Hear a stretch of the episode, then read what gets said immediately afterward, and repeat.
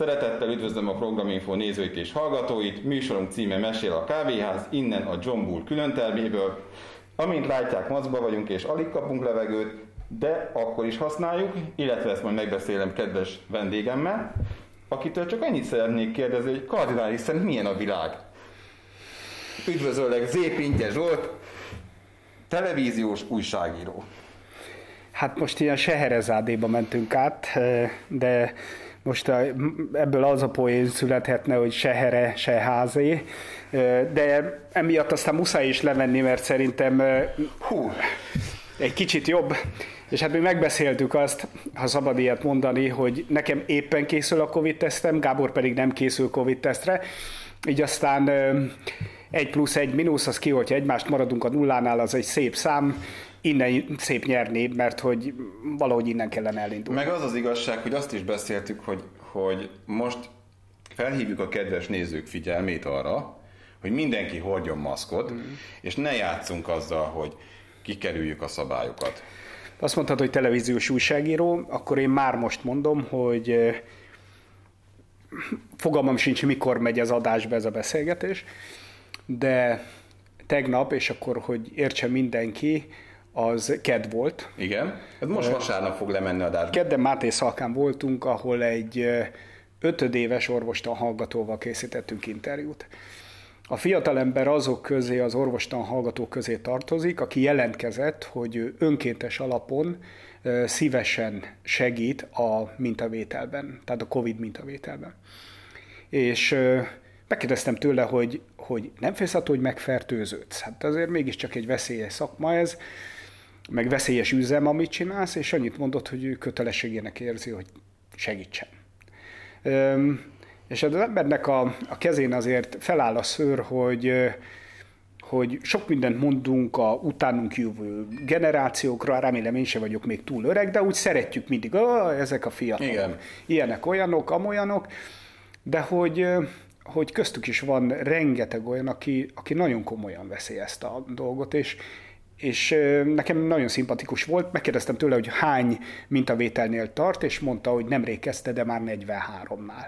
Tehát 43 helyszínre mentek ki a mentős kollégával, vett le mintát, tesztelte az embereket, rendkívüli odaadással, elszántsággal, és én azt gondolom, hogy, hogy ez most egy ilyen egy, egy kicsit a, a, a próba is, mert hogy mi magyarok olyanok vagyunk, hogy mi rendkívül elégedetlen nemzet vagyunk. Ebből is adódik, vagy, vagy ennek a példája, Ekretás példája, hogy, hogy, hogy, hogy, hogy nem, hogy egymással, magunkkal se tudunk néha mm. megbékélni. megbékélni. Te és... meg, bocsánat, szabad te megbékéltél magaddal már? Nem, nem. Nem, és lehet, hogy ennek a beszélgetésnek ez egy jó témája lesz, mert amikor utoljára készült velem egy komolyabb interjú, akkor még úgy hívták az egyik újságot itt Nyíregyházán, hogy új kelet, és én akkor fel se fogtam, hogy miért. Thomas Mant idéztem, akkor olvastam éppen a Tónió Kröger, tizen akárhány éves voltam, és azt mondtam, hogy én egy eltévejedett polgár vagyok. És ugye a, a, a Thomas Mannnál Tónió Kröger azért eltévejedett polgár, mert a, a hétköznapi emberek életét szeretné élni, de ő művész, és nem tudja. És ez egy ilyen ambivalens érzéseket hoz ki belőle, és tizenévesen is ez volt az érzésem, hogy én egy ilyen Tony Kröger vagyok. Na, én azt gondolom, hogy ez így 40 fölött sem változott. Tehát, hogy ez egy ilyen nagyon furcsa dolog, és amikor végig gondoltam, hogy miről lenne jó beszélgetni egy ilyen, egy, egy ilyen mély interjú során, akkor pont erre gondoltam, hogy, hogy, hogy nem származom, vagy akkoriban még nem volt a családunk tehetős az én tizenéves koromban, amikor már ezt kell számítani, hogy kinek milyen van, meg persze. főleg rendszerváltás ideje, akkor úgy nagyon... Meg akkor a gyerekek úgy egymást így nézik, hogy te persze, vagy, izé. nyugati ruhába járni, jó ruhákba, Nike cipőbe, kinek milyen autója van, és nekünk volt egy négyütemű Trabantunk, meg volt egy édesapám, aki ellenben ismerte Csingiz Ajtmatovtól a Versenyló halála című könyvet is, és hogy a, az én asztalomon science fiction hagyott, és amikor már észrevette, hogy eljuttok Gabriel Garcia Márkezig, meg Bulgakovig, akkor már bólogatott, hogy talán lesz ebből a gyerekből valami, és hogy ez volt fontos. És a gimiben én azt hittem, hogy azzal lehet kitűnni, hogyha mondjuk te mondasz verset egy rendezvényen, vagy egy iskola ünnepségen, vagy ne talán írsz valamit az iskola újságba. És én ezt abszolút nem értettem, hogy miért gondolják azt, hogy én csak egy buzgó mócsing vagyok. És ez az igazi eltévejedett polgár, amikor az ember ezt megérzi a gimnáziumban, hogy hűha, hát én én nekem lehet, hogy nincs Nike cipőm, de próbálok valamit, valamivel kitűnni, és amivel próbálok kitűnni, az se sikerül. Úgyhogy ez egy ilyen kegyetlen. De figyelj, hogyha most járnál gimnáziumba, akkor lehet hogy, lehet, hogy most már azért szimpatizálnának veled, mert hogy ugye most az a sik, hogyha valaki ír, valaki verset szaval, vagy egy kicsit mondjuk úgy más. Nem olyan szempontból, hanem amit te is mondtál, egy kicsit eltévejedett. Um, nem tudom, hogy hívják ezt a nyíregyházi lányt, aki most írt egy karanténnaplót. És uh, és ebben a karantén naplóban valami nagyon hülye címe van, a saját baráta is frocilizzák ezért, és borzasztó nyers stílusban beszél arról, hogy ő hogyan pukizgatott heteken keresztül, meg milyen érzés a karanténban mondjuk menstruálni, meg stb. És ilyen hihetetlenül őszinte, és ezért kapták fel, mindenki interjút készít vele, és, és el, el, ő beszél erről.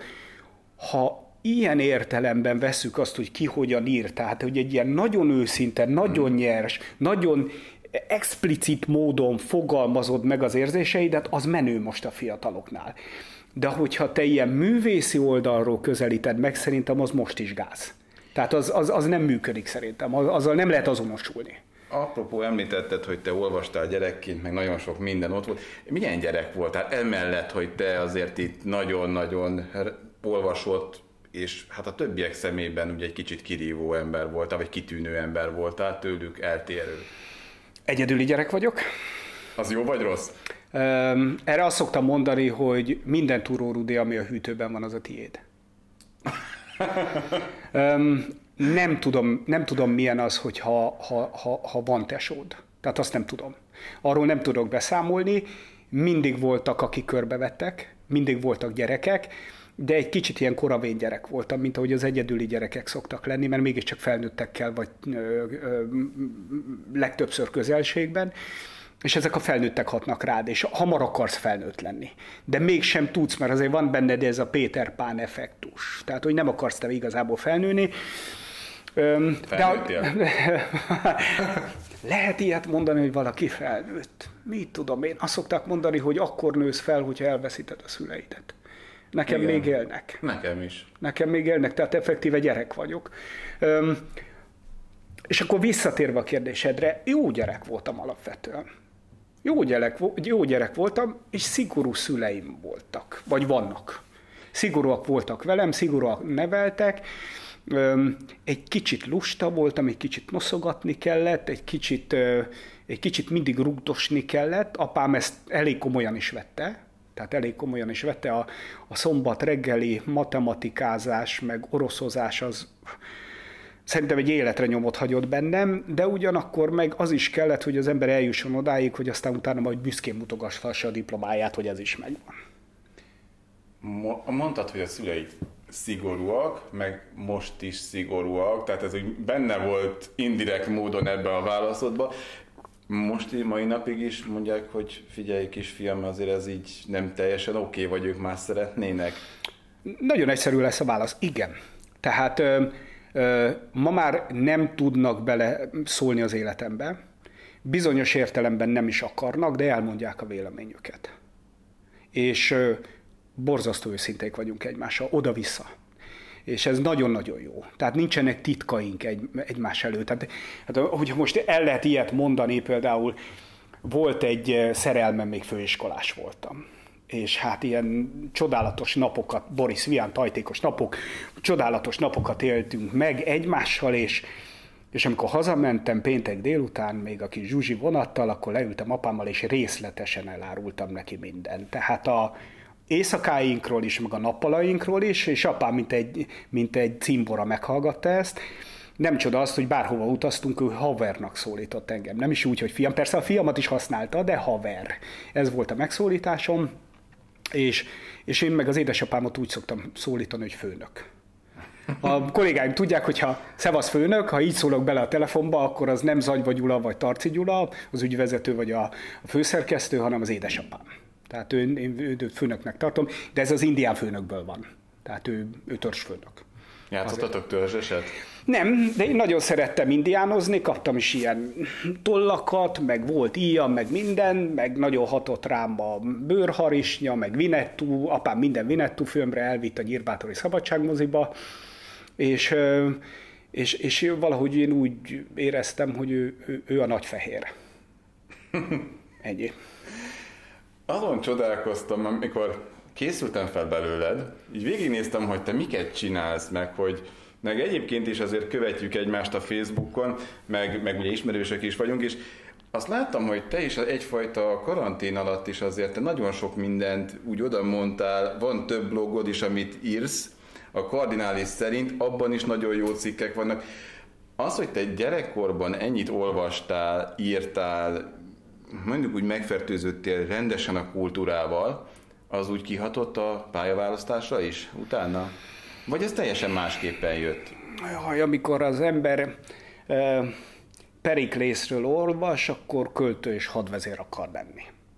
És ez egy jó szakma szerintem, költő és hadvezér. Ez, ebben úgy minden benne van, nem? Tehát, hogy úgy, hogy úgy nappal aprítod a perzsákat, este pedig leülsz, és akkor kijön belőled a romantikus én, és akkor nőkhöz írsz csodálatos verseket. Öm, nem tudom, tehát az, hogy néha az életet csak retrospektíve, tehát visszatekintve lehet megérteni, és ez a, és ez a borzasztó akarás, hogy vegyenek már engem észre, hát mégiscsak egy nyírbátori gyerek vagyok, ott is Nyíregyházan is azt jelenti, hogy ha valaki a sinen túli, az tudod, a borbányai, az már nem is Nyíregyháza, nem ott van. Én is ilyen sinen túli gyerek vagyok Nyírbátorban, az meg a vásártérnek számít. Na most, hogyha egy kicsit tovább mész, akkor az már a cigánytelep. És a vásártéri gyerekeken van egy ilyen bélyeg nyírbátorban, hogy ú, az vásártéri gyerek, az ilyen nehezen kezelhető háromház gyerek, azokkal minden probléma van, és annak ellenére, hogy mi nagyon közel laktunk a sínekhez, és én nem éreztem magam igazi vásártéri gyereknek, ettől függetlenül a bélyeg rajtam volt. És ez, ez egy kicsit olyan, mint a, mint, mint most lesz, ugye Herbert könyvéből nem sokára bemutatják a Dűne című filmet, hogyha ha, ha ilyen nagy nyomás alatt, teher alatt nő a pálma, pálma ha nagy nyomás alatt élsz, mint a fremenek, uh-huh. tehát hogyha ha, ha, ha neked örökösen valamit bizonyítani kell, hogy, hogy te érsz valamit, hogy, hogy benned azért más is van, nem, tehát az emberek imádják a sztereotípiákat. Persze. Rád sütenek egy bélyeget, a tanárok is, betesznek egy fiókba, stb. És nekem valahogy világéletemben volt egy ilyen kényszerem, hát aztán nem tudom, hogy ez egy pszichiáter nézi ezt, hogy mire fog jutni, hogy, hogy megmutassam magam. Hogy, hogy, hogy most ugye két lámpa világít meg bennünket, én, én valahogy gyerekkoromban is arra emlékszem, hogy elég fiatal voltam, amikor már erre készültem, tehát így 12 évesen eldöntöttem, hogy na, akkor én újságíró leszek, mert most már itt tudok írni. Mert kaptam egy ötöst az egyik fogalmazásomra. Akkor én nem kezdve egy újságíró leszek, és akkor bementünk a a igazgató nőhöz, hogy írjunk újságot, ő nézett ránk nagy szemekkel, és akkor lett iskola újságunk a Dr. Tanhofer Lajos általános iskolában. Az, hogy pályaválasztás, az egy kicsit, az, az, az, az meg fura, mert hogy édesanyámkat szerettek, azt szerették volna, hogy ügyvéd legyek.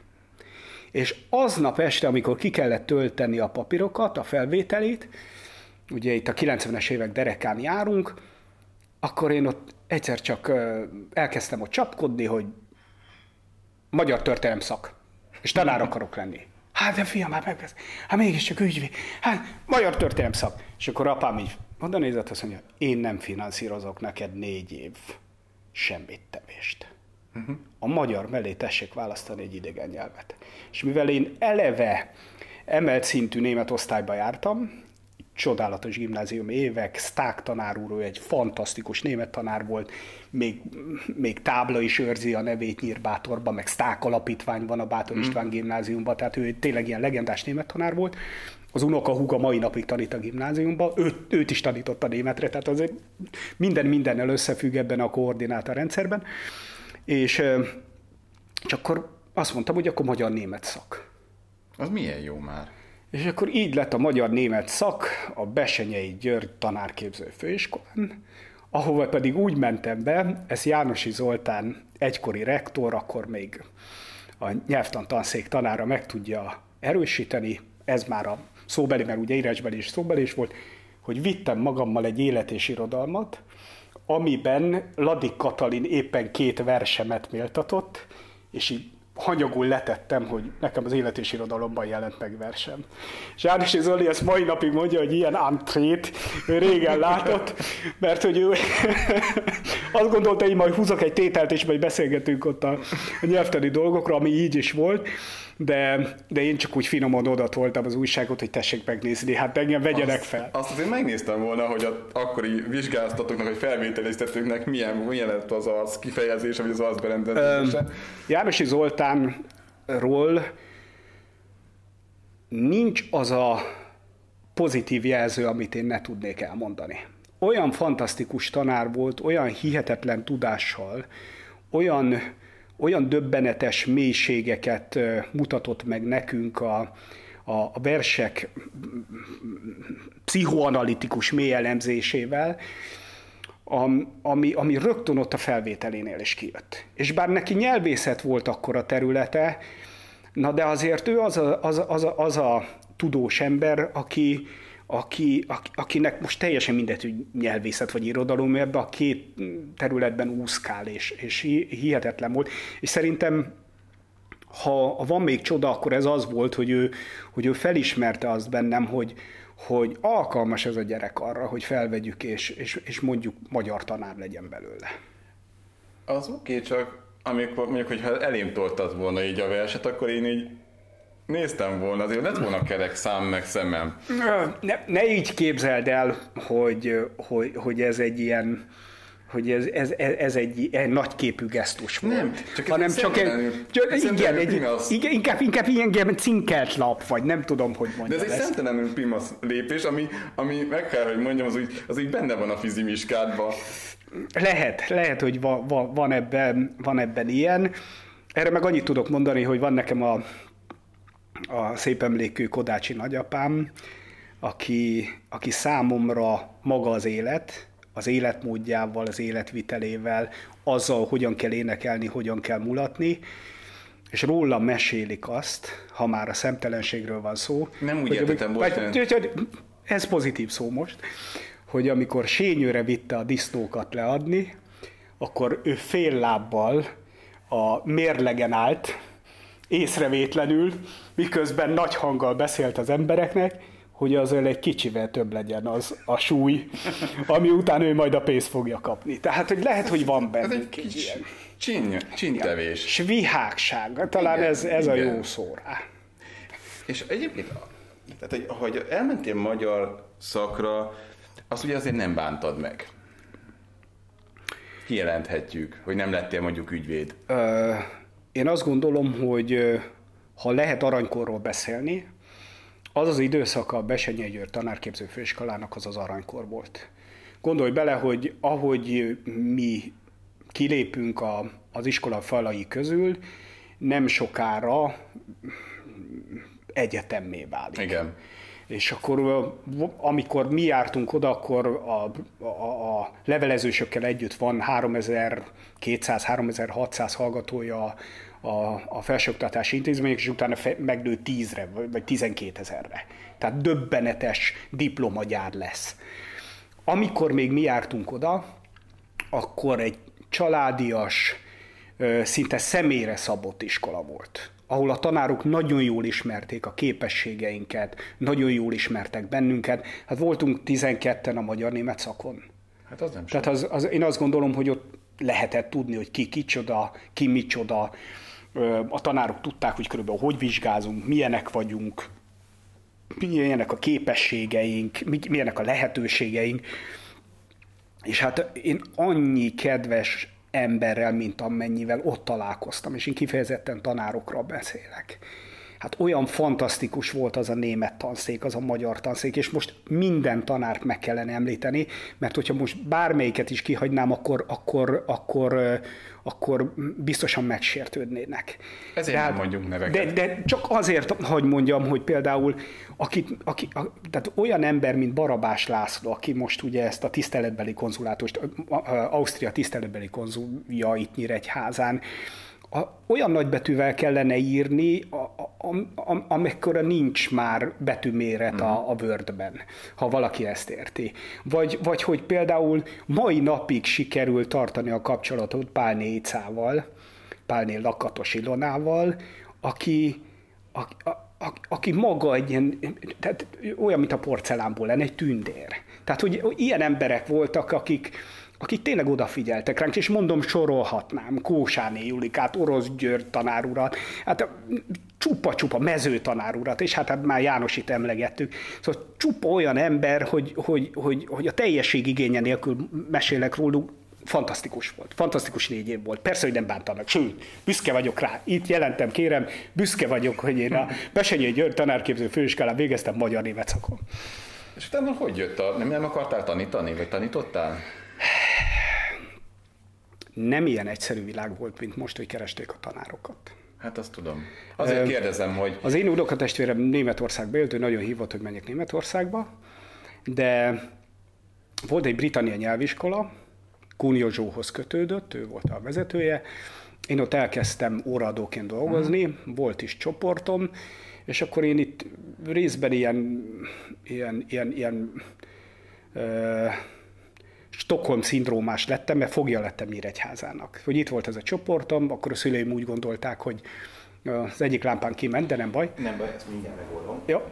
Stockholm szindróma. Stockholm szindróma, tehát itt ragadtam Nyíregyházán, mert óraadó voltam egy, egy nyelviskolában, és akkor az úgy, az nem volt egy teljes állás, meg be se voltam jelentve, akkor utána voltam egy kicsit, de tényleg csak picit munkanélkülin, és aztán felvettek a Nyírpazonyi Színi általános iskolába. Ott lettem wow. német tanár.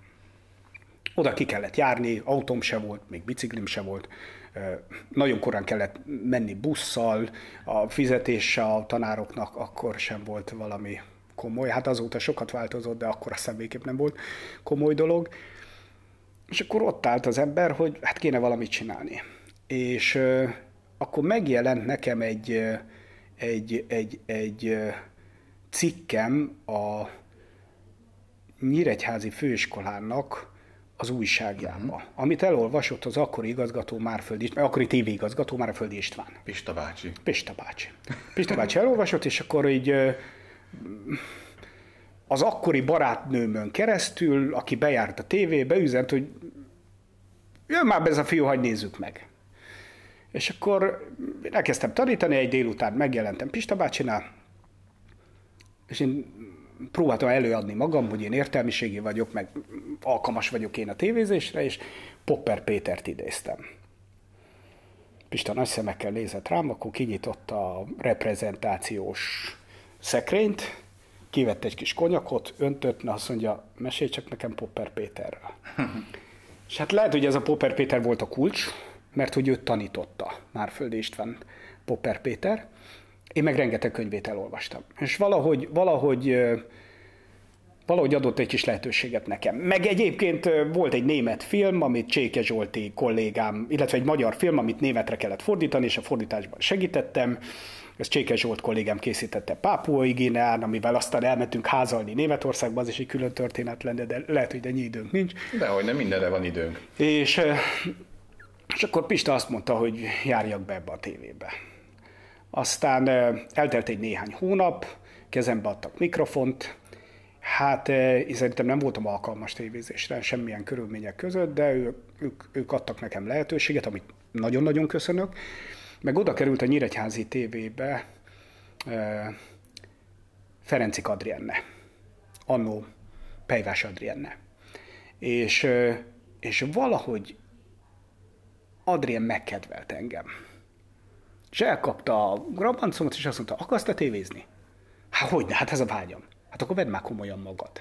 Volt egy ilyen beszélgetésünk, és akkor úgy gondolták, hogy egy kicsit komolyabb híradót készítenek, ez volt az az időszak, amire azt mondtuk, hogy a híradó nálunk nem játék, egy ilyen Igen, bohém mondattal. És én ebbe a csapatba bekerültem. Úgyhogy ha ilyen értelemben mm, hálát kellene mondanom, akkor egyrészt Márföldi Pistának meg Adriennek kellene mm. hálát adnom azért, hogy adtak nekem egy lehetőséget. Adrián a híradózásba, Pista meg egyáltalán az, hogy, hogy fizeti utánam a, a bért, meg ennek a járulékait, meg stb., mert hogy, hogy például én nem tudtam tisztán beszélni. Én nem is tudtam, hogy én nem tudok tisztán beszélni. Amikor először felolvastam, akkor derült ki, hogy hűha, itt nekem hangképzési problémáim vannak, a sustorgó szavak nekem sem mennek. Um, Vagy, vagy, vagy rávetted magad, hogy gyakoroltál? inkább ez az utóbbi. Ez az utóbbi, de azért én még mindig érzem ennek a problémáit. Tehát én szerintem ma már, ma már úgy vagyok vele, hogy például Baló Györgynek elnéztük azt, hogy ő sem beszél tisztán, de ja, és most magam Baló Györgyhöz hasonlítom, elnézést, nem hasonlítom magam, csak egy analógiát próbálok hozni. Szóval, hogy hozzám magam, én nekem is vannak Szóval, dolgaim. hogy, hogy, hogy, hogy, hogy ha, ha valakit sokáig nézel, és előfordul, hogy hogy, hogy jól kérdez, vagy felháborító módon kérdez, vagy, vagy, vagy, vagy, vagy a néző tud vele valamiféle ö, közösséget vállalni, akkor azt úgy elfogadjuk. És talán én ennek köszönhetem a, a dolgaimat, hogy, hogy rövid időn belül nem csak híradózni kezdtem, hanem el, elindítottuk Bocskai Magdával, Jónás Tibivel a nagy sikerű Terus és Kálmány című szappanoperát, amiben én neki köszönhetően kaptam egy először apró szerepet, aztán utána egyre komolyabb szerepet, hogy a gyerekük lehettem, és akkor már nagyon sok mindent megbocsátott nekem a nyíregyházi közönség szerintem. Tehát akkor már nem számított, hogy én most S betűt tudok-e jól mondani, vagy nem tudok, hát én voltam Kálmánka. És onnantól kezdve az, az sokkal többet számított, mint hogy én most jól csinálok meg egy híradós anyagot, vagy sem. Az, hogy jól híradózol, az Adriennek számított, a közönségnek meg az számított, hogy mondjuk te jó, terus, és, illetve jó szerepet tudjál betölteni a terus és kálmányba. Hú, eszembe jutott egy nagyon fontos kérdés, és bocsánat, de fel fogom neked tenni, és lehet, hogy elnézést a nagyon pofátlan kérdés lesz. Szerinted mi a fontos? Az, hogy egy, egy tévénél, az, hogy te jó híradós legyél, vagy a közönség szeressen? Egyetlen dolog fontos, a hitelesség. Ö, Nem úgy értem, bocs, hanem az, hogy, hogy hogyha... Értem, mert te azt kérdezed, hogy, a, hogy szakmailag jó legyél, vagy népszerű legyél. Így van. Öm, A hitelesség az abszolút. Az abszolút. Én ezért, ezért, ezért próbáltam egy, egy, egy vágással ezt a Gordiuszi csomót ketté vágni a hitelességről. A Terus és Kálmány miatt az akkol meleg mi kölykét tudtad hozni. De ez nem jelentette azt, hogy az egyébként maximalista Adriennél a híradóban nem kellett jó anyagot csinálni. Vagy hogy, vagy, van. vagy, vagy hogy, hogy akkor még Lengyel Atosz ott dolgozott nálunk, és Lengyel Atosz például ő volt az, aki felolvasta a, a, ugye a, a felkonfokat, és rám szólt, hogy te figyelj már, ez milyen felkonf. Hát azt mondja, a felkonf olyan legyen, hogy Zsuzsika néni ejtse el a fakanalat, mert azt mondja, te Józsi, hallod, mit mondott a Nyíregyi tévé? Hát te, hát Szóval, hogy, hogy, hogy legyen valami ilyen. És Atosz volt az, aki elkezdte mondani, hogy gyere, írjuk át a felkonfokat olyanná, hogy három tisztességes veretes mondat legyen, amire odafigyelnek az emberek. Tehát alapvetően jó közegbe kerültem. Olyan emberek közé, akik akartak valamit tanítani nekem. Vagy Zajász D. Zoli. Nagyon sokan emlékeznek még Zolira. Ő például együtt zenél cipővel, a Republik együttese, mert ők egy, egy gimnáziumban jártak Kisvárdára és ha még éltél olvasott főszerkesztőt, aki Friderikus mellett dolgozott a magyar televízióban, annak idején, amikor a Friderikus sót mindenki nézte ebbe az országba, kivétel azok, akik mondjuk éppen ügyeletben voltak, de lehet, hogy még félszemmel még azok is a, a, a Friderikus nézték, és mellette dolgozott, és utána ide került, illetve hazahívta Márföldi Pista, hogy, hogy gyere Zolikám, te legyél a főszerkesztő.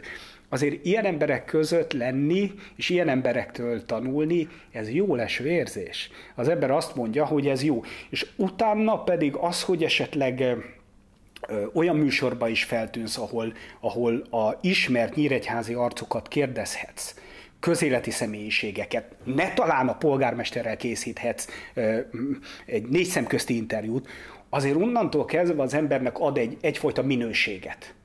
És akkoriban jóval többen nézték a Nyíregyházi tévét. Most, most nagyon sajnálom, hogy például voltam olyan iskolában, középiskolában, amikor mondtam, hogy a Nyíregyházi tévénél dolgozom, akkor a középiskolás megkérdez, olyan van?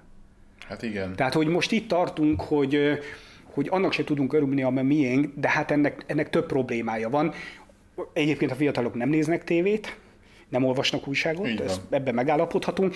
Talán ezt a Facebook beszélgetést nézik, és akkor innentől kezdve üdvözlöm őket, hogy van nyíregyi tévé, gyerekek, a tiétek, és nézzétek. Képzeld el, nem olyan régen ugye Bocskai István Péterrel, Magdának a kisfiával beszélgettem, és előtte mi azért ő elkísért, és beszélgettünk egy pár szót, meg, meg Pista bácsival is beszélgettünk, Bélával is, ugye Balog Bécivel is, mi beszélgettünk, és mondták, hogy, mondtuk, hogy visszaemlékeztünk azokra a szép időkre, amikor még hát én is 19 20 éves vagyok, és egy kicsit elnézékeny az ember, tehát hogy 20 éves voltam, és akkor még a Nyíregyházi tévének volt súlya. És mindenki azt nézte, a, mondjuk ugye a királyi adók helyett. Vagy mellett. Én amikor a 80-as években egyszerét látogatást tettünk anyukám nagynényénél, akkor én rácsodálkoztam, hogy a Magyar egy meg Magyar kettő mellett, amit Nyírbátorban lehet fogni, itt van egy nyíregyházi tévé. És még hétfőn is van adás, mert hogy ez még akkor volt Igen. hajnalok hajnalán, amikor hétfőn még adása volt a Magyar Televízióban. Szóval, hogy, hogy ez egy nagyon érdekes dolog, hogy, hogy Nyíregyházán létrejött egy olyan televíziós stúdió, aminek valóban volt súlya. És akkor tegyük hozzá, hogy a 2000-es évek elején Márföldi Pista bácsi kitalált egy olyan műsort, ez az ajándék ez a nap, amihez fogható szerintem a, a vidéki televíziók történetében, mert van valamiféle rálátás az embernek, nem nagyon volt. Tehát egy olyan monstre produkciót képzelj el, ami, teljes televízió munkatársi létszámát igényelte. Tehát 30-40 ember dolgozott azon, hogy létre tudjon jönni egy ilyen produkció.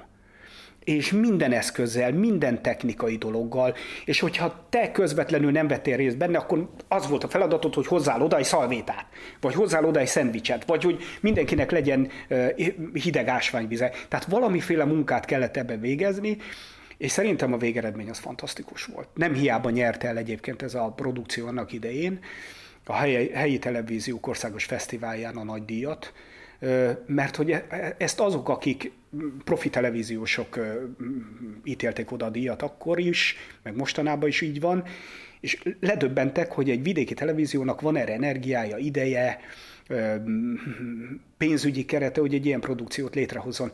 Ma már egy ilyen műsort Hát nem tudom, szerintem nem tudnánk megcsinálni. És most lehet, hogy a két főnököm nézi ezt, és azt fogják mondani, hogy na gyere, csak jól megmossuk a fejüket, de hogy nem tudnánk megcsinálni, nagyon nehéz lenne. Nagyon-nagyon nehéz lenne. Azon gondolkodtam, hát nem olyan régen szembe jött velem a Facebookon, képzeld el, egy kis montázs belőled.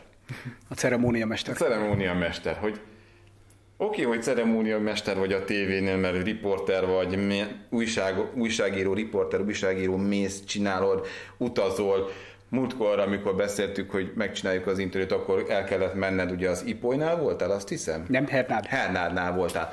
Hogy oda is el kellett menned, össze-vissza utazol, csinálod, dolgozol, és akkor jön, az, jön egy, szembe velem egy kép, amint egy ceremóniamester vagy, és különböző arcaidat villantod meg. Egyébként láttalak ceremónia mesterként a Kossuth egyik bálján, ahol a barátaim zenéltek. Akkor te voltál az egyik alkalommal a ceremónia mester. Ez hogy jött neked, hogy így tadám, és esküvőin is? Szükségből.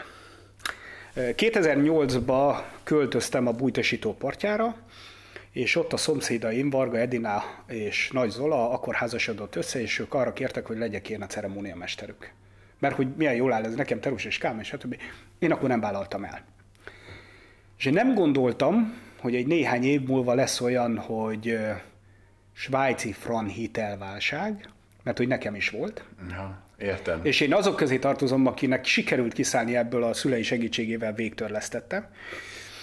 De akkor lecsökkentették a fizetésem, és ott álltam, hogy ki kéne találni valamit, amivel valamiféle pénzt keres az ember amihez nem kell tőke, mert az már nem volt, nem kell túl nagy technikai dolog, mert mondjuk fotózni nem tudtam volna, mert ahhoz kell venni egy profi fotógépet, és akkor ott nézegetem, hogy mit lehet csinálni. Hát van valamiféle ismertségi tőkét, ha ezt lehet tőkének nevezni, tudsz beszélni, és kifújt. Ennyi. És akkor próbáltam én újságot írni, még mezőgazdasági újságot is írtam. Tehát mindenféle dolog, pedig aztán azon kívül, hogy nagyanyám után örököltem egy darab földet, más, meg hogy gyerekkoromban túrtuk a földet, tehát ennyi. De hát nem vagyok egy igazi mezőgazdász. De hogy ott volt, hogy valamit kell kezdeni. És, és ez úgy adta magát. Adta magát, főleg azért, mert rendes Sanyi, aki az akkori főnökön volt, az annak sikerült úgy bevállalni a két lakodalmat, hogy egy időbe esett. És az egyiket lepaszolta nekem, hogy azt csináld meg, másikat meg megcsinálom én. Hát halvány lila dunstom nem volt, hogy mit kell csinálni egy lakodalomba.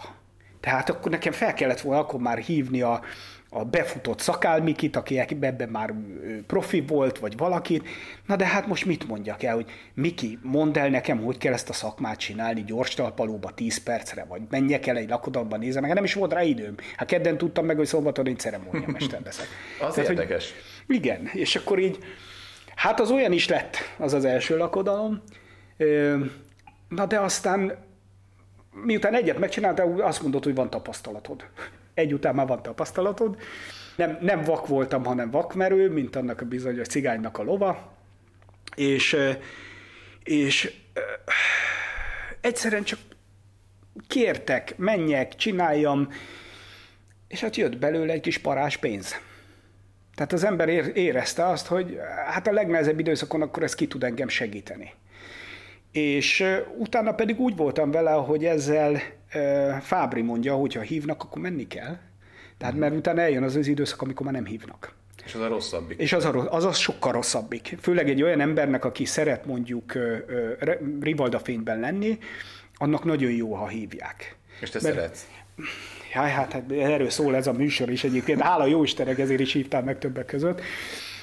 És ezt nagyon köszönöm neked. Tudod, hogy miért hívtalak meg? Arra még nem is mondtam. Azért, mert mert én valóban az volt, hogy Rivalda fény, és én úgy voltam vele, hogy hát ezzel az emberrel összefutottunk, ugye majd nevezzük nevén a gyereket a filterben, és ott hát pillanatok alatt másod magaddal, akkor a sót csináltatok, mi akkor vettük fel az előző műsort, és azt mondtam, hogy hát ezt az embert meg kell hívni, ezzel az emberrel muszáj beszélnem. Jó, hát akkor is eláruljuk a nézőknek, hogy akkor éppen körteszüret volt, és abból már mi gyorsan pálinkát is főztünk ott a kávézóba, és amiatt volt ez a jó hangulat, tehát ez csak ennyi a háttere. De nagyon jó volt egyébként, tehát ez nem, a nézőknek mondjuk semmi olyan nem volt, nagyon jó volt, tök jó dumáltunk akkor is, utána is, igen, tehát hogy, hogy, hogy ez hívtak, és akkor mész.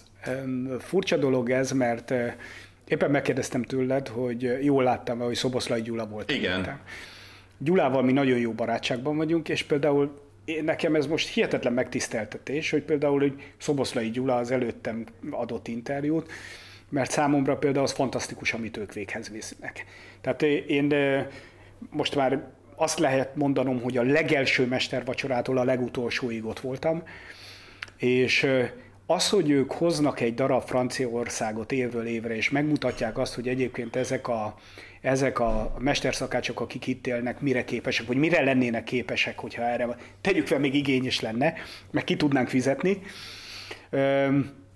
amiatt, amiatt is nagyon fontos, meg hát azért rengeteg olyan interjút láttam, amit említetted Magdának a fiát is. Hát én azt gondolom, hogy, hogy Döni is egy olyan ember, egy olyan kis palánta, aki, aki hihetetlen nagy reményekkel indul a, a, az életnek neki, és én nagyon szeretném, hogyha eljutnánk odáig, lehet, hogy akkor már tolószékbe jövünk be, hogy készítsünk majd 20 év múlva is vele egy interjút.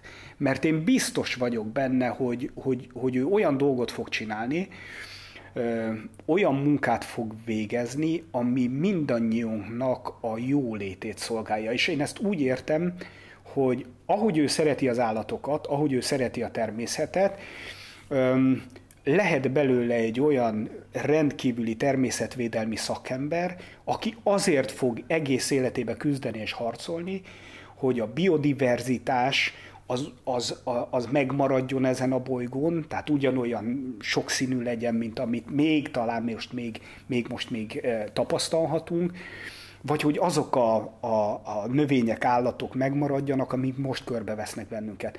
És ezek fontosak egyébként, lehet, hogy nem így gondolsz rá, de minden egyes ilyen kicsit lokálpatrióta beszélgetés, ahol megmutatjuk, hogy ebben a városban kik élnek, mit gondolnak, mit szeretnek, mit utálnak, honnan indultak, hova jutottak, azok nagyon fontosak, mert közösségformáló, értékteremtő szerepük van.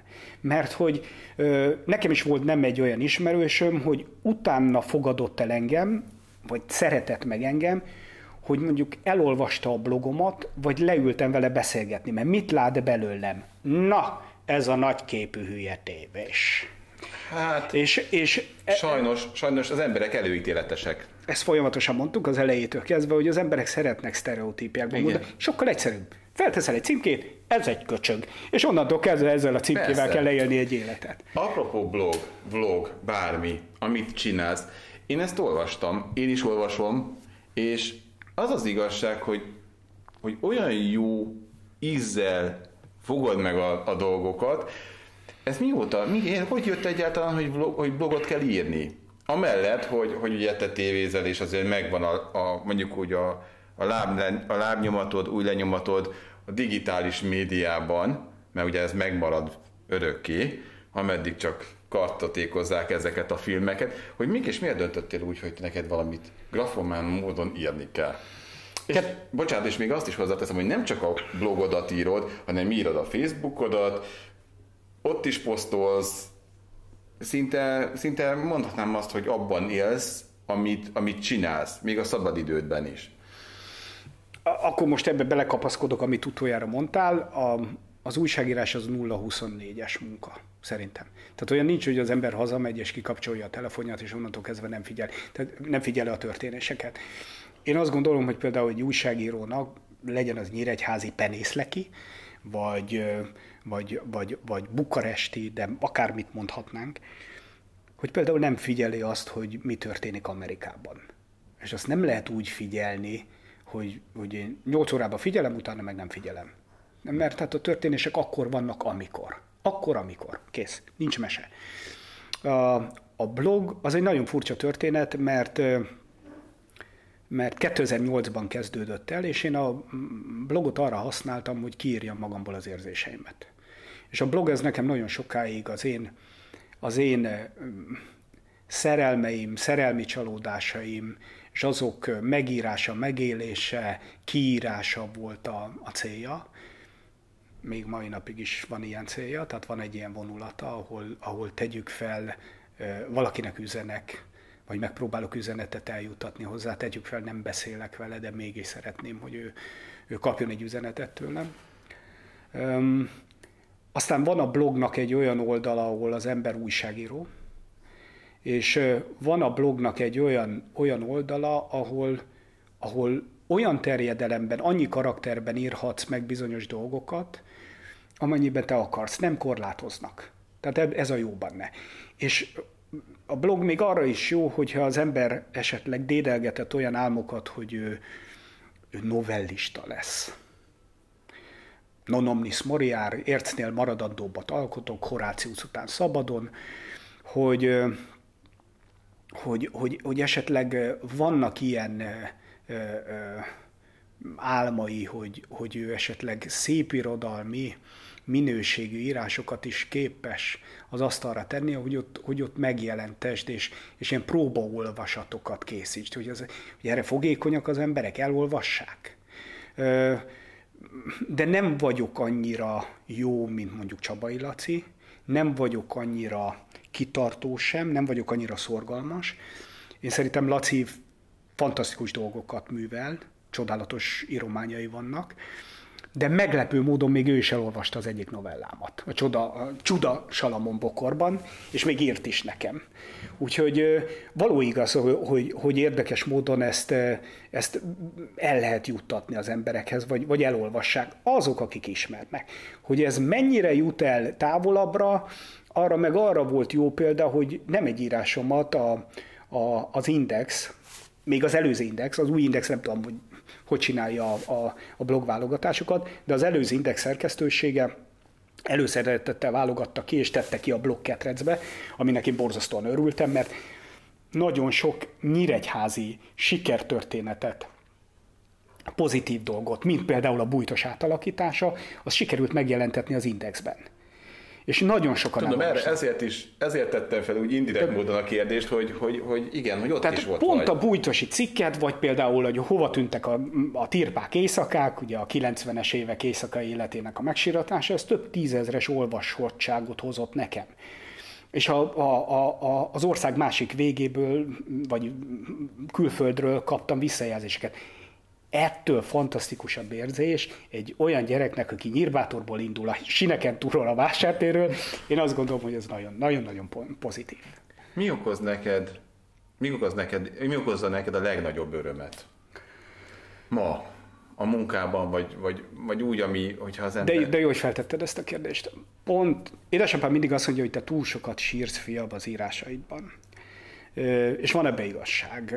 Szeretem egy kicsit megsiratni magam. Tudod, ez egy kicsi bukkal, senki nem törődik, tessék engem megsimogatni, szeretgetni, egyedül gyerekek szeretetésége gyakran kijön belőlem, meg az írásaimban, meg egy kicsit a, hát hogy is mondjam, a, ez eddig, ez eddig sikertelen szerelmi élet megjelenítése, és ezt most itt többször említettem, de nem menjünk ebbe ilyen mélyen bele, hogy, hogy mi az, ami örömet okoz. Igen. És én tegnap megint ugye vasárnap fog megjelenni, akkor kedden írtam egy ilyet, hogy, hogy, hogy mi okoz egy ilyen évben, mint például 2020 az embernek örömet, amikor, a, amikor ömlik ránk az, hogy vigyázz magadra, hogy vegyél fel maszkot, hogy ne legyél emberek között, hogy zárkózz be, hogy menjél haza, hogy kiárási tilalom. Mi okoz egy olyan évben az embernek örömet, ami, ami, ami, ami ilyen nehéz év? Hogy mit, valamit fel kell dolgoznod, valamin még nem vagy túl, ami, ami, ami, ami, amit ott darálsz magadba, viszel magaddal, hogy, hogy, hogy, hogy mondják a Don Quixote, a Quimby-nek van egy ilyen nótája, hogy, hogy egy lefejezett szerelem a vállamon, stb., de ez egy Quimby nóta, most nem az én életemet kezdjük el újra nagyító alá helyezni, hogy, hogy így, így mész, és Kertész Imre jutott eszembe, a sorstalanság. Ahogy, ahogy Kertész leírja azt, hogy, hogy ott a koncentrációs tábor nyomorában is megérezte a boldogságot. És Igen. a boldog, boldogság az velünk van. Tehát ilyen nagyon egyszerű történet bemenni a céghez, és ott a majdnem családtaggá vált, mert annyi ideje dolgozunk egy-egy kollégával együtt, kollégával egy nagyot nevetni. Végig menni itt a Dózsa György utcán, amit ugye szépen díszköveztünk, és megérezni a, a fokhagymás tejfölös lángos illatát. Vagy látni, hogy egy ember rád köszön, akit te nem is ismersz, és gondol, valószínűleg azért köszön rád, mert hogy ismer a tévéből tegyük fel. Vagy megismerkedni valakivel, aki rettenetesen jól tud hegedülni. Vagy felmenni bőrönthöz, beszélgetni egyet, és végignézni a, a, a, a festményeit olyan apró, pici csodák vannak naponta az ember életében, vagy hogy mondjuk a szüleim átestek a, a, a koronavíruson, és élnek, virulnak, és most egészségesek. Bár anyukámnak magas a vérnyomása, innen is üzenem, hogy tessék szedni a gyógyszert. Hogy, hogy, hogy neked, tehát itt kell kimosnod a napok hordalékából életed maroknyi aranyát. Volt egy tabló a gimnáziumban, Igen. és azt hitták alá, hogy Hemingway, én néztem, hogy Hemingway-et is írt, tehát legyen, legyen Hemingway-től ez az idézet, vagy valaki mástól, hát ki tudja, hogy azt az aranyat, amit, amit neked kell összeszedegetni az életben, az nem fogja senki más kimosni helyetted, és teljesen mindegy, hol vagy a világban, mindenütt lehet aranyat mosni. Ez de, ez, de, ez, de ezt, ezt neked kell megtalálni, hogy milyen módszerrel, hogyan fogod. Hogy mitől fogsz jól ér, mitől fogod jól érezni magad. Persze könnyű ezt úgy mondani, hogy az embernek mondjuk tegyük fel, van egzisztenciája, van munkája, amit szeret, ne talán még van egy kis megtakarítása is. Ez mind, tehát hogyha ha ezek a tényezők nem lennének, akkor, akkor lehet, hogy másképpen beszélnék. Vagy hogy van, aki szereti, és akkor választodok a kérdéseidre. Tehát, hogy olyan, olyan ember is kell, aki szeret téged, aki Igen. elfogad téged, aki társként tekint rád. Tehát ez egy ilyen nagyon fontos dolgok. Tehát a boldogság az ilyen, jaj, Roy és Ádám, boldogság egyszerű. Van egy ilyen nóta. És tényleg így van, hogy a boldogság az hihetetlen egyszerű dolog, de azt neked kell megvalósítani a boldogságot, és hidd el, hogy a boldogság az lehet, hogy egy teng- úgy érzed, hogy egy, egy, egy régi tengerparti nyaralás, ahol egy számodra nagyon kedves emberrel voltál de nem abban lakik, nem ott van. Tehát nem, a boldogság az nem ott van ebben, ebben a tengerparti nyaralásban, hanem mondjuk, hogy vele élted meg. Maga az élmény, ami a, az a boldogság. Persze. És ezt az élményt, ezt akárhol össze lehet szedni. Nagyon jó, hogy ezt így elmondtad, mert nagyon sokan keresik a boldogságot, pedig a boldogság az valóban egy egyszerű dolog, és ott van a mindennapokban, csak meg kell találni. Apropó vírus is, hogyha már említetted itt a vírust, akkor te Pánikoltál a vírustól, amikor ez úgy volt, hogy itt berobban? Jaj, ha azt mondom, hogy nem, akkor nem jó választ adok. Ha azt mondom, hogy igen, akkor meg, meg hazudok, mert nem pánikoltam. Öm, én annyit tudok neked elmondani, hogy nekem az egész vírusban a legnagyobb problémát a kommunikáció okozza. Nagyon-nagyon furcsának tartom, ahogy elkörül egy kommunikáció kialakult. Nagyon furcsának tartom, hogy az emberek egy része elkezdte relativizálni, azt mondani még, hogy nem is létezik, ez ki van találva. Aztán hiába jöttek a tudósok és szakemberek, és magyarázták el, hogy ez a természetből jött, és hogy ennek megvannak az előzményei, ez a SARS, stb., Persze. ami ennek a vírusnak az unokatestvére, és hogy ez nem, egy, nem a Wuhanban valaki összetákolta, hanem ez egyszerűen nagyon úgy néz ki, hogy az állatvilágból kaptuk meg, és a többi, és a többi. Én azért nem pánikoltam, mert végig arra gondoltam, hogy te is, én is, meg mindannyian, ez a több mint 7 milliárd ember most túlélő.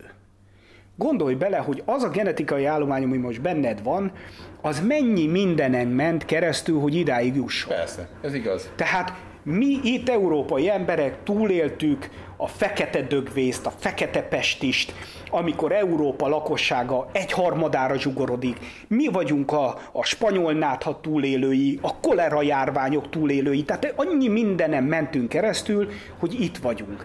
Na most persze, hogyha valaki egyetlen ember is meghal egy járványban, akkor ugye már meg kell kongatni a, a, a harangot, mert ne kérdez ki szóra halang, harang, hiszen hogyha egyetlen egy ö, kis homokszemet elmos a tenger a, a, a kontinensből, akkor a kontinens annyival is szegényebb lesz.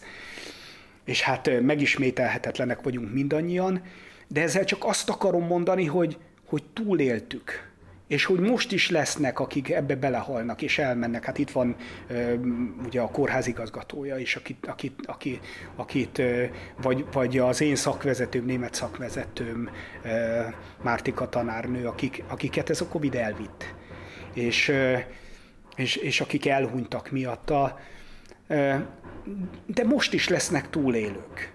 És az emberiség megmarad, fennmarad, lehet, hogy egyszer majd csak egy, egy rossz emlékű történet lesz ez a, ez a dolog, és most, hogyha a nézők hallják ezt a ütemes kloffolást, akkor csak annyit tudunk nekik üzenni, hogy készül a rántott hús.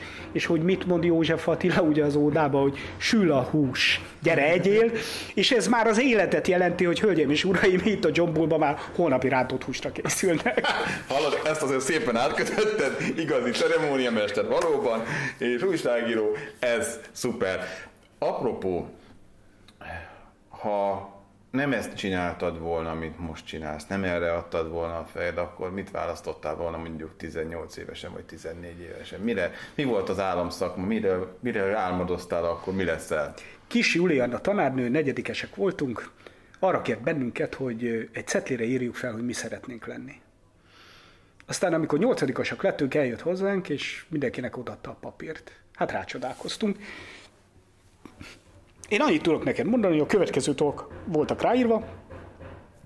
űrhajós, Az nagyon jó. űrhajós, asztrológus és tanár, földrajztanár. Ezt a hármat írtam fel. Hát űrhajós nem lettem, az asztrológusról azért azt tudni kell, hogy oda azért matek is kell, mert ki kell tudni számolni, hogy ezek a bolygók hogyan pörögnek egy bizonyos naprendszerben, de a tanár az lettem. Még ha nem is földrajz tanár, és a földrajzot mai napig ö, szeretem, és úgy értsd a tanárt, hogy megint József Attilába kapaszkodom, és hú, micsoda mondatot fogok mondani, ezért majd megkapom a magamét, de hogy az emberben csak van egy ilyen tanárként, hogy én egész népemet fogom nem középiskolás fokon. És amikor én újságíró vagyok, akkor bennem van egy ilyen bolond küldetés tudat, vagy bolond pedagógus tudat, vagy elvetélt pedagógus tudat, hogy így fejezem ki, hogy ha nekem van lehetőségem arra, hogy kinyissam emberek szemét, hogy nekik információt tudjak eljutatni, adatot, a világ történéseiről, a világállásáról, állapotáról, vagy, vagy nekem van az a lehetőségem, hogy lemérjem a lázát a világnak, és megmondjam, hogy ez most 37,6 és hőemelkedésetek van, vigyázzatok magatokra. Akkor miért ne? Ha miért ne? Tehát ha vannak nekem papbarátaim. Itt van Szabó Tamás atya, görögkatolikus püspöki helynök, aki egyébként az örökösföldi parókus volt, én magam is görögkatolikus vagyok, és, és ő mindig azt mondja, hogy, hogy a Jóisten általában olyan szakmát talál ki neked, amivel, ha te jól sáfárkodsz, akkor te hasznos dolgokat tudsz csinálni. Na most nem a betörőkre gondolok. Hát, a, valamilyen szinten az ez is hasznos. Igen. Rávesz téged, hogy jobban véd a portál. De erről van szó, vagy, vagy, vagy, vagy, vagy, vagy rávesz arra, hogy, hogy, hogy ne kincsekben gondolkodj, hanem szívekben gondolkodj, mert a, ott van a ti kincsetek, ahol a ti szívetek. Szóval, hogy, hogy de jó lenne ezt majd, majd egy, még egy kicsivel, 20 év múlva, vagy 25 év múlva visszanézni, hogy, hogy tudtam-e bármi olyat adni a világnak. Tudtam-e olyat adni a bármi világnak, és most a, a világot úgy érez, hogy az én pici mikrokozmoszom, hogy amivel, amivel csak egy picit is, de, de talán jobbá tettem bárkinek is az életét, vagy, vagy, vagy, vagy, vagy hasznos voltam, mert ez nagyon fontos, hogy, hogy jobb, hasznos, tehát hogy, hogy bármiféle pozitív üzenetet meg tudjak fogalmazni. Vagy hogyha valaki elolvasta a blogomat, és, és akkor nagyon szomorú volt, és mondjuk ö, ö, talált két mondatban, három fonémában egy minimális vigasztalást, akkor már megérte akkor már megérte. Tehát nem, nem kell nagyban gondolkodni, egész piciben, mint ahogy a rántott húsban, mert ezt még mindig klofolják. Szóval, hogy, hogy, hogy lehet, hogy egy, egy jól kiklofolt hús, egy jól bepanírozott, mondjuk dupla panírt kapott hús, az, az nagyon fontos lehet holnap ahhoz, hogy valaki mondjuk ne, ne legyen nagyon szomorú, ne legyen öngyilkos, és ne legyenek negatív gondolatai. Mert azt mondja, hogy te én olyan rántott húst tettem a jobbóba, hogy egy hétig kipapakolom, belőle leszek. Apropó küldetéstudat. Küldetéstudat az is, hogy megmutasd a, az ízek világát. Mert hogy te szeretsz főzni, szereted a jó ízeket, szeretsz utazni, az is egy küldetést ad, hogy fotókat teszel fel a világ minden pontjáról, ahol, ahol éppen vagy. Ö, tudod, mi volt a kedvenc étel Adinak? Nem. Én is most tudtam meg nem régen. Ja, akkor jó, mert már ide, de majd... Sárga borsó főzelék, az de jó. pörkölt szaftal. Jaj, de jó is az. Krudinak? Nem tudom. Kérlek szépen, Krudi pedig a csülköt imádta, és állítólag feltűrte az ingúját, és nem átalkodott tiszta zsírral, tehát úgy, hogy még a bajsza is, a kackiás bajsza is tiszta zsíros lett, így enni a csülköt. A legnagyobb pitefogyasztó a magyar irodalomban pedig állítólag Molnár Ferenc volt, a Pál utcai fiúk írója. Ezzel csak azt akarom mondani, hogy én azt gondolom, hogy mindenki, aki írással foglalkozik, meg irodalommal foglalkozik, vagy újság, mert ugye ezek újságírók is voltak azért, tegyük hozzá, hogy az újságírók azok úgy szeretik az életet. Szeretik a nőket, szeretnek jót inni, ez bennem is bennem van, szeretik a jót.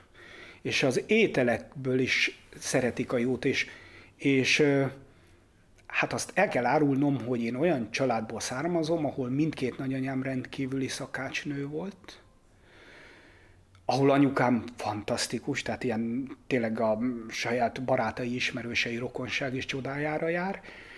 És hát ilyen családban, ahol ilyen ízek vannak, és ahol fontosak az ízek, mert édesapám mai napig háklis erre, ott muszáj, ott muszáj ezt, ezt a vonalat is vinni magaddal.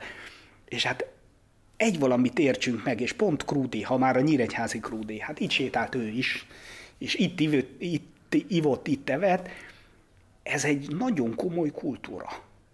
A magyar gasztrokultúra, kérem, az sokkal nagyobb figyelmet is megérdemelne, mint amit kap. Hát újházi Ede újságíróról nevezik el az újházi tyúkhúslevest, ami a rántott húsról beszélünk. Igen, és nem csak, hát de most a rántott hús is ugye, tehát annak is megvan a maga története, ugye állítólag Radecki volt, aki a Radecki induló biztosan megvan mindenkinek. Radecki, amikor elfoglalják Észak-Olaszországot, osztrák-magyar monarchia, akkor ott valahol Lombardiában találja ki, vagy az ő szakácsa találta ki, és a Radecki lett a, a győzelem, a dicsőség, hogy nagyon vékonyra vágod a borjúhúst, ki kell kloffolni, és ezt prézlibe meg kell forgatni, és utána azt jó ízűen el kell fogyasztani. Tehát, hogy még a, hogy még a rántott hús és a Wiener Schnitzli is, annak is van egy történelmi vonatkozása, és ezt nagyon szépen fel lehet dolgozni az irodalomban. Tehát, hogy ez, ezek nagyon fontos, jókai bableves, jókai hát, bableves, igen. vagy palócleves, ami Mixát Kálmánnak készült. Hát kérem, a magyar gasztrokultúra a szorosan összefonódik a magyar irodalommal, és ez nagyon-nagyon jó, én azt gondolom. Hát most gondolj bele, hogy hogy, hogy, hogy milyen családból származik mondjuk Latinovics, hogy ki volt ennek ugye a nagyapja. Hát annak a nagyapjáról még mindig jó nevű éttermet visznek Budapesten. Tehát, hogy ezek, ezek, ezek, ezek nagyon-nagyon fontos, a színész király, tegyük hozzá. Másik testvére, féltestvére Bújtor István, másik féltestvére Frenreis Károly. Tehát, hogy ezek ilyen, ezek fontos dolgok szerintem. Szeretsz jókat enni? Mi a kedvenced? Jó, hogy nincs ilyen. Egyet mindig nehéz kiválasztani. Akkor mondj egy. Mostában sok kacsát csinálok, pedig nem is, korábban nem is szerettem. De mondjuk a rántott hússal nagyon... A rántott, maradjunk annyiban, hogy a nagyon jól elkészített rántott hús, ez karajból készül számomra, viszonylag vékonyra van kikloffolva, és anyukámféle házi tojás kell hozzá, és anyukámféle házi panír illetve Prizli. Tehát ez, ez, ez, ez kell hozzá, és friss olajban legyen kisütve. Anyukám mindig meséli, hogy ha neki nem volt ideje főzni, és édesapámnak volt valami étel, tegyük fel a nagy kedvence, kell káposzta főzelék, én azt nem ettem meg. De anyukám azt mondta, hogy én délután fiam neked csinálok egy kis rántott húst, én képes voltam egész nap nem menni, mert én kivártam, hogy legyen rántott hús. Tehát, hogy nincs mes, én nem mentem oda anyukámhoz, hogy éhes vagyok, mikor lesz kaja. Te egyszerűen kíváncsi vagy? Ma már annyira nem, de akkoriban igen. Akkoriban nagyon-nagyon. De hát vigyük el ebbe az irányba, hogy, hogy, hogy milyen csodálatos a magyar konyha. Tehát ha, bár azt szokták mondani, hogy lassú gyilkosságnak számít ennyi zsírt, ennyi kalóriát bevinni, de ha belegondolsz, hogy, hogy milyen ételeket lehet készíteni. Tehát a, itt említettem a jókai bablevest, de hát a nyírségi gombócleves, hölgyeim és uraim, egy igazán jó házi tyúkhúsleves, ami lassan gyöngyözve készül. De hát én imádom, hogy a belefő még a, a vére is annak a bizonyos tyúknak, főleg a kakas, hát a kiskakasnak kiskakas vére legyen. Tehát, hogy, hogy, hogy, hogy ezek, ezek nagyon fontosak, és akkor egy kis jó főthús tormával leszegetni apám társaságába, és egy kicsit politizálni, és mondjuk házi répát rákcsálni hozzá. Hát ezek, ennek, ennek megvan a maga koreográfiája, története, vagy, vagy szenteste, ugye közeledünk karácsonyhoz, szenteste hazamenni, és azt a halászlevet enni, amit anyukám meg apukám együtt csinál, és tegyük fel, én viszek bele hajdújéktól egy kis harcsát, harcsa szeletet, mert hát az kell egy kis nyíregyházi is hozzá. Mondjuk a kárász az legyen nyírbátori, a harcsa meg nyíregyház, és akkor egyesítettük a nyíregyháza a nyírbátor tengelyt, ezek, én szerintem ezek fontosak. És utána meg még rántott hal, mert akkor halas este van a rendes körökatolikusoknál, és akkor utána egy hétig nem akarsz halat enni. Tehát ezek, ezek jó dolgok. Ezek, persze, de, de hát ma például a, a cégnél beszélgetünk arról, hogy hol milyen a töltött káposzta. És ugye mi a szabolcsi töltött káposztához vagyunk hozzászokva az ekkora, hölgyeim és uraim, és ugye édes káposztába készül, paradicsommal van leöntve, de hogyha csak egy kicsit is megyünk a hajdúságba, vagy egy picit megyünk Darás, a, a, darával a Borsod megyébe, akkor teljesen másképp, akkor már ugye előkerül a savanyú káposzta, vagy ugye a borsodiak már bele se töltik, hanem apróra vágják a káposztát, és akkor van ott valami kis húsgombótszerű valami, Igen. és ott kötelező, hogy, hogy füstölt áru legyen a, a, a, a a, a, a töltött káposzta alaplevében, ha szabad ilyet mondanom. Szóval, hogy teljesen más, és az is csodálatos. És, és akkor lehet menni egy kicsit Európába, szanaszét, én imádom a görögöket, bennem is van egy kis görögvér, a szép nagyanyám által, akit Georgiadésznek hívtak, és amikor először rájöttem Görögországra, hogy ez milyen csodálatos, azóta hithű rajongással vagyok iránta meg bárhová az olasz konyha. Sőt, mondok neked valamit, sokan azt gondolják, hogy a németek nem is tudnak főzni. És én olyan német ételeket kóstoltam már, hogy én le vagyok nyűgözve, hogy a hagyományos német konyha is csodálatos. Isten ilyen főznek a németek. Na tehát most gondoljunk bele, hogyha a németek nem tudnának jól főzni, akkor szembe köpjük magunkat, mert azért mi pontosan tudjuk, hogy a sváb hústermékek azok mai napig Igen. megsüvegelendők. Tessék elmenni Mérk vállalra, egy sódart venni, egy kolbászt venni, egy vastag kolbászt venni, és akkor az ember tudja azt, hogy mit jelent az a, a sváb gasztrokultúra, amit ők hoztak magukkal. Utazás. Szeretsz utazni? Nagyon. Az utazás. Ö, megint említek valakit, ö, Johann Wolfgang Goethe, Ugye egy német szakosnak Goethe, aki a magát a világirodalom szót is adományozta nekünk, Welt Literatur néven, ő imádott Olaszországba utazni. Ő úgy érezte, hogy mindaz, amit, amit ami, ami az ő lelkét inspirálja, azt az utazások alatt lehet összeszedni, és ebben van valami. Tehát amikor utazol, nagyon, még vallásokban is, a buddhizmusban is van ilyen, hogy, hogy tessék menni utazni, mert minden évben el kell menned egy olyan helyre, ahol még soha nem voltál. Betartod? Ö, igyekszem.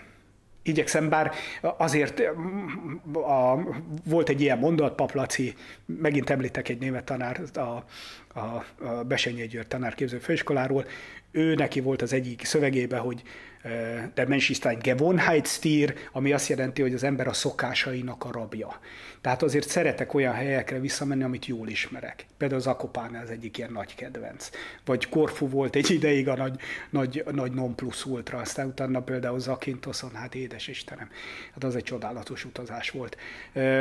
Vagy, vagy, vagy volt, vannak olyan helyek a világban, ahova szeretek pont ugyanott oda menni, pont ott meginni valamit, pont ott megenni valamit, mert hogy azok, azok valahogy olyan érzést adnak nekem, hogy otthon vagyok a világban. Ugye ez meg Ábel a rengetegben, hogy azért születünk, hogy valahol otthon legyünk. Tehát egy, hogy van ez az otthonosság érzés.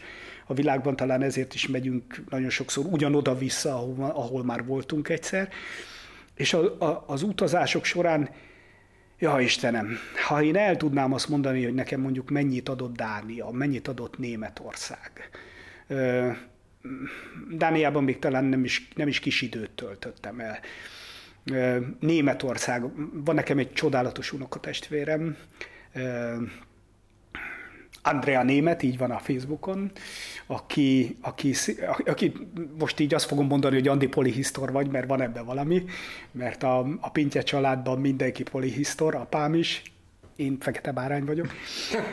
Na azért te sem és, szerénykedhetsz. Hát, ha, hogy szerénykedjek, mert én még csak közelükbe se érek, és az a fajta világlátottság például, ami Andinak van, az többek között nem csak azért van, mert ő nagyon hamar került ki Nyugat-Németországba, és, és ott szerzett diplomát, és, és, és ott szocializálódott, ha lehet ilyet mondani, mert hiszen 18 éves, amikor kikerül, hanem hogy ő rengeteget utazott.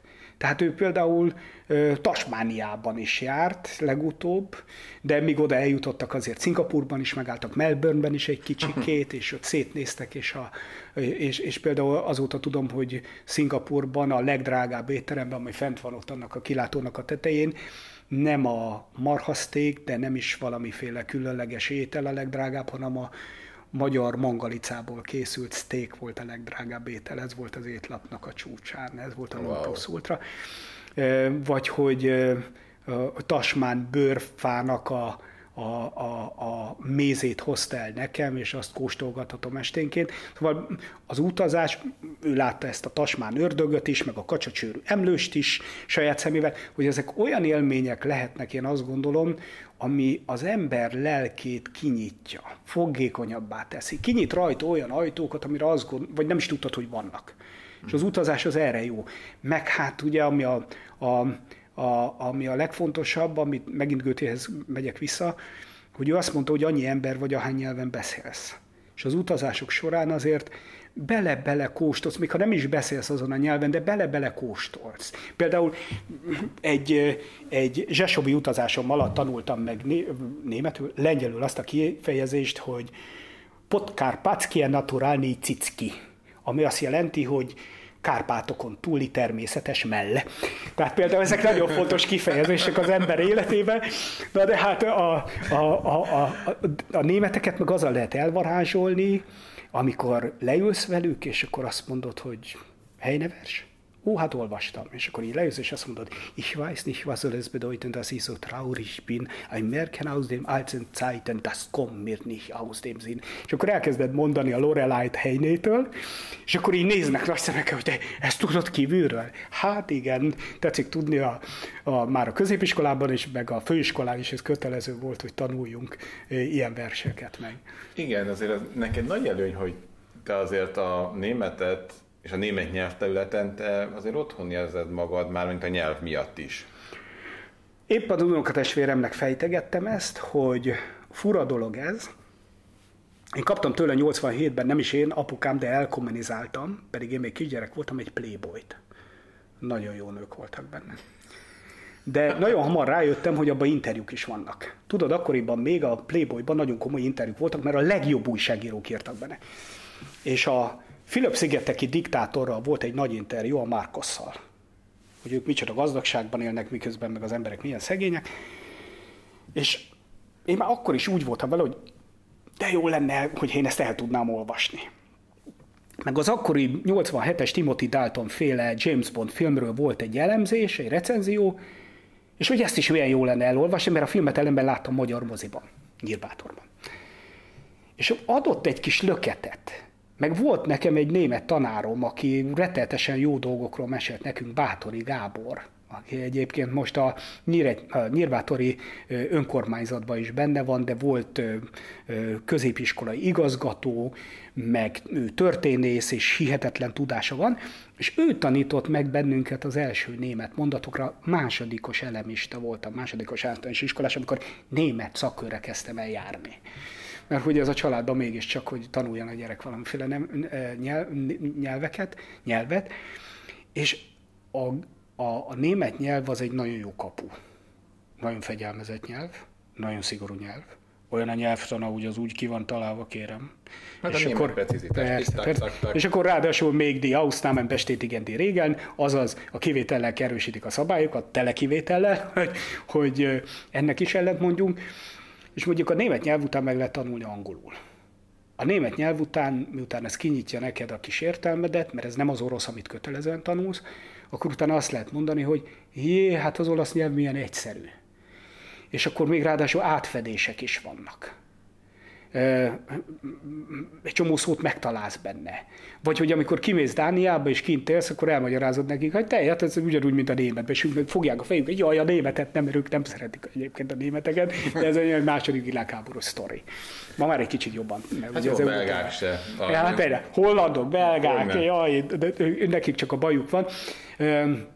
Megy is egyébként, osztják is egymást, de nem, tehát azért ők mégis a kultúrállamok, nincs akkora visszáj köztük, mondjuk, mint egy magyar-román között, vagy most, ami kialakult, a magyar-ukrán viszony, ezek, ezek borzasztóak. Hát igen, ez a politika az meg egy más kategória. Tehát például Németország, vagy nem is Németországban, Holland, a hollandok nem is értik, hogy hogy van az, hogy mi itt vagyunk magyarok a Kárpát-medencébe, és a szomszédos országok közül egyetlen egynek sem beszéljük a nyelvét.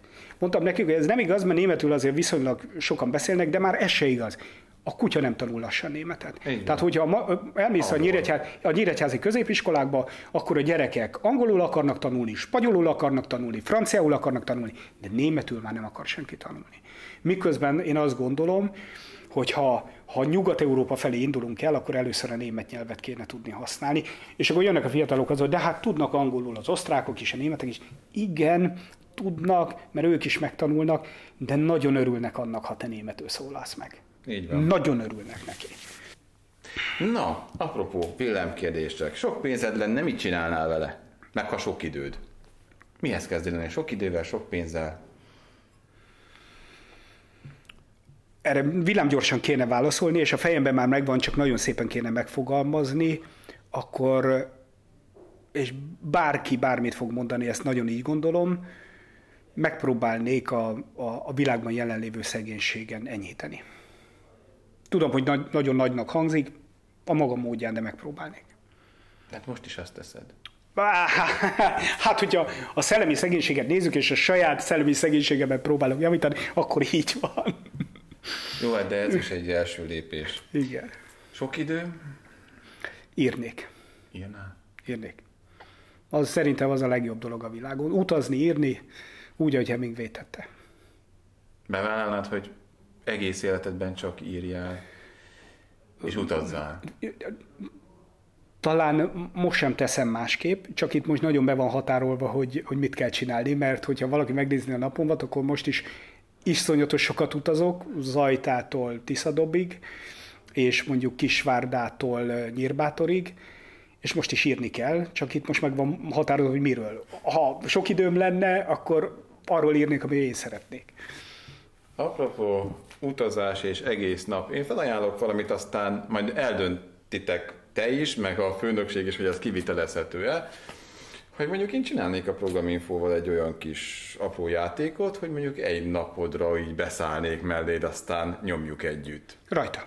Csináljuk. Szívesen. Oké. Okay. Hát én nagyon szeretném megköszönni, hogy eljöttél. És hát így úttavalót adnék neked, nem tudom, hogy mit kívánjak, de azt hiszem a legjobb az az, hogy ebben a 2020-as évben, hogy jó egészséget kívánjak neked, szép sikereket az írásban, meg a, az életben, a munkához, meg nagyon-nagyon boldogságot a magánéletben. Hosszú életet, meg még ami kell. Öm, voltam egyszer, és nagyon röviden fogom mondani egy olyan lagziban, ahol, hát nyugodtan lehet ezt a szót használni, ők maguk is így nevezték magukat cigány lagziban. És ott mondta egy hölgy nekem, hogy ide figyeljen, az egészség, meg a szerelem, meg úgy minden. Maradjunk ennyi. Maradjunk ennyi, minden. Köszönöm, hogy itt voltál. Köszönöm szépen, hogy meghívtál. A kedves nézőktől mára búcsúzunk, viszont látásra, viszont hallásra.